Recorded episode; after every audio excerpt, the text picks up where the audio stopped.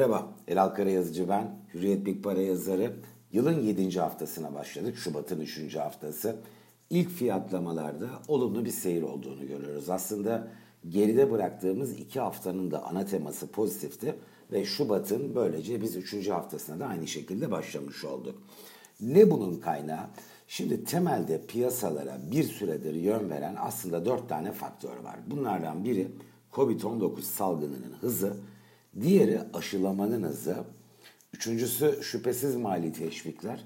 Dördüncüsü de uygulanmakta olan karantinaların o Covid salgının hızını kesmek üzere süresi ve derinliği.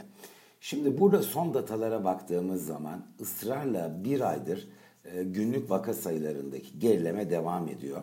Öyle ki dünya genelinde vaka sayısında yüzde 42 bir ay önceki zirveye göre bir gerileme var. İngiltere mutasyon haberleriyle adeta en yakından takip edilen cephe konumuna geldi.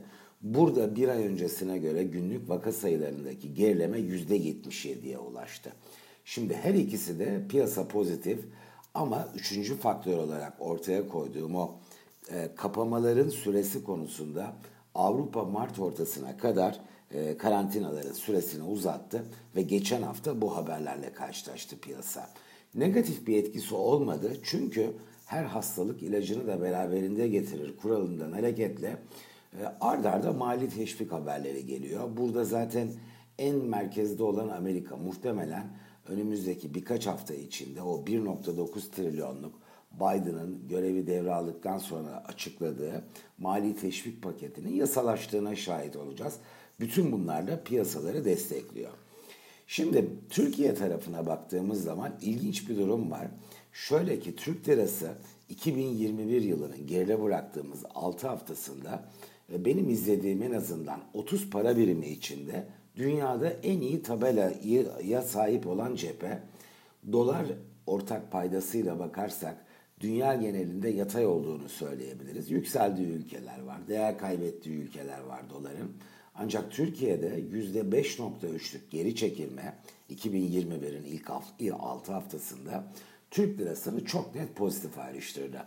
Şimdi buradan borsaya dönersek, borsa bundan faydalandı mı dersek aslında TL cinsinden faydalanamadığını görüyoruz. Çünkü dolar bazı performanslar dediğimiz zaman TL'nin bu 2021'de kaydettiği %5.3'lük primle Türkiye üst sıralarda yer alıyor. Hem de bayağı yukarıda. Ama kur hareketlerinden bağımsız bakalım.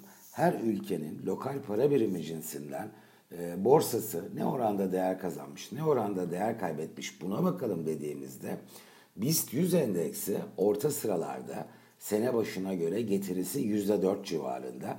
BIST 30 endeksi ise yüzde yarım eksi de 31 Aralık 2020'den 14 e, Şubat tabi pazar gününe geliyordu. 12 Şubat Cuma kapanışına kadar olan bölümde yüzde yarım aşağıda ve benim izlediğim 30 market içinde eksi performanslı olan 6-7 tane marketten, borsa endeksinden biri. Doğal olarak BIST şu ana kadar e, bu işten, TL'nin priminden faydalanamadı. Ama ben önümüzdeki haftalarda burada dengelerin değişeceği görüşündeyim. Bir kere yurt dışında e, bir dengelenme havası var. Çünkü Aralık başından bugüne 10 haftadır borsa endeksleri aslında hemen hemen aynı bölgenin içinde dalgalanıyorlar. Aralık dünyada %4 kadar bir yükselişe sahne olmuştu. Sonra Ocak ayı bir bütün halinde bakarsak o Aralık priminin geri verildiği hemen hemen yine %3-4'lük kayıplara sahne olmuştu. Şubat yeniden borsa endeksleri yukarıya gidiyor. Ama ben bu yatay seyrin sonuna yaklaştığımızı ve hisse senedi piyasalarının 2021 yılının ortalarından itibaren e, dünya ekonomisi birkaç sene sürebilecek bir büyüme döngüsüne yelken açacak e, senaryosunu daha şansı artmış görmeye başladıkça e, bir koordinat değişikliğiyle %10-15 kadar cari değerlerinden yukarıya doğru bir e, yönelim, bir yükseliş içine girebileceğini düşünüyorum.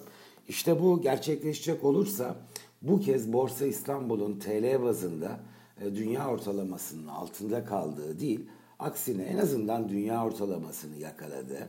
Türkiye'nin kaydettiği primi borsasıyla para biriminin ortaklaşa belki paylaşacağı hatta bir öne çıkacaksa borsanın biraz daha şanslı olduğu bir seyrin olasılığının ben daha yüksek olduğunu düşünüyorum. Neleri izleyecek piyasa yeni haftada?